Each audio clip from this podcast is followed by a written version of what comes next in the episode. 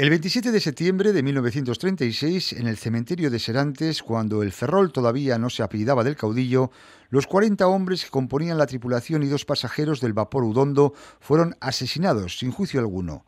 Lo decidió la comandancia de Marina del Ferrol, que dos meses antes había secundado el golpe militar. Entre los 40 marineros se encontraba Teófilo Zorroza Gezuraga, baserritarra y palero, vizcaíno, residente en Morga. Tenía 21 años. Marijo Zorroza es sobrina de Teófilo y también reside en Morga. ¿Qué ocurrió? ¿Qué referencia tiene la familia de aquel asesinato? Pues la familia se enteró de que había, o sea, no tuvo conocimiento oficial alguno del paradero de, su hijo, hermano de, mi tío.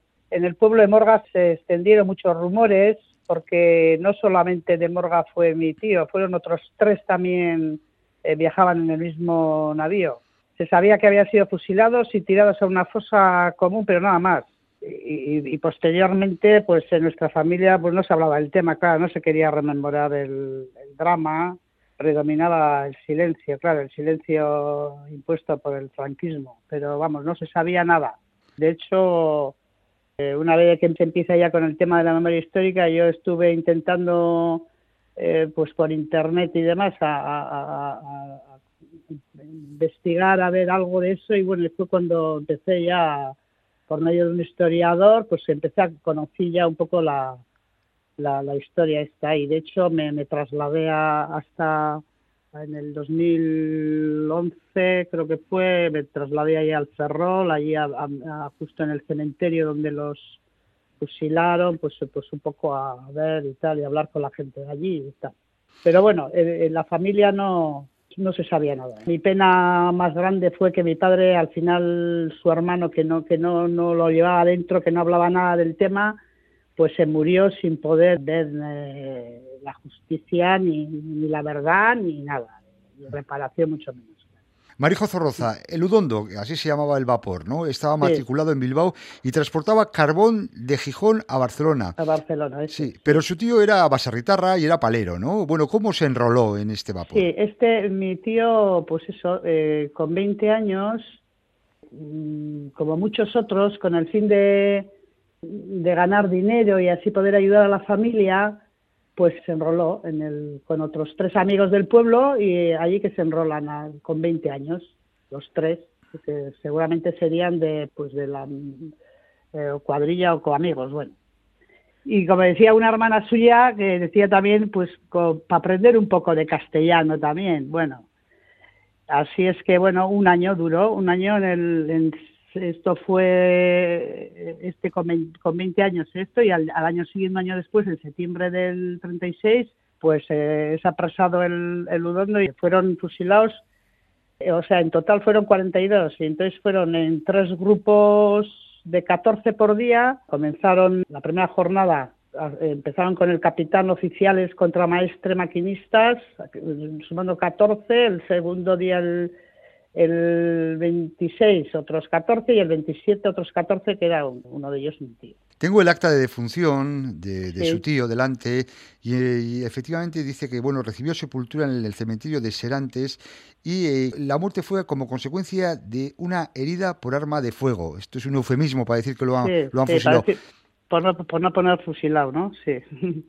Esto, de todos modos, como comenta que otros tres de Morga también efectivamente corrieron la, misma suerte, ¿no? De Morga sí, eh, fueron, eran cuatro, o sea, de los de Euskaldunes, porque claro, eran, sobre todo eran asturianos, mm, gallegos y vizcaínos. Y en concreto de Vizcaya, pues eran, aparte de los cuatro de Morga, había alguno de, de Busturia, algunos de Bermeo, Munguía, Meñaca, alguno de Erandio, Bilbao y de la Rabezúa, de la Rabezu, concretamente. Entonces, en total, ¿cuántos fallecieron? 14, de, 14 del País Vasco, de Escalarría. Bueno, de Vizcaya eran mm, todos.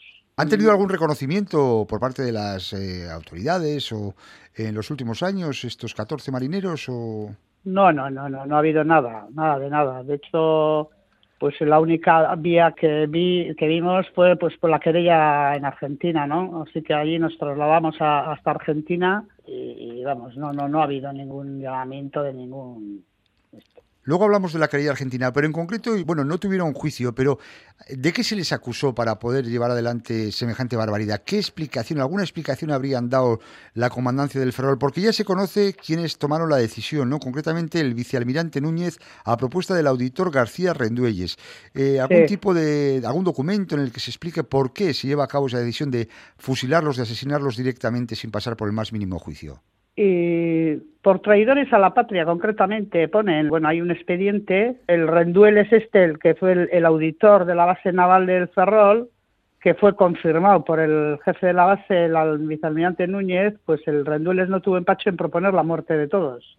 A pesar de que tuvo informes favorables en su haber, ¿eh? en el expediente este aparecen informes favorables, tenía el Rendueles este, aún así no tuvo ningún empacho y mandó fusilarlos a todos. Sin, bueno, eh, fue en la época, no fueron los únicos, porque esto fue en septiembre, sin juicio previo, ni sentencia ni nada, y, los siguientes meses, a septiembre, o sea, octubre y noviembre, siguieron continuaban las ejecuciones irregulares, o sea, se les sacaban de la escollera que se llama ahí en el Ferrol, eran paseados y frente a los muros de los cementerios los fusilaban masivamente sin juicio y, ni, y sepultados en fosas comunes.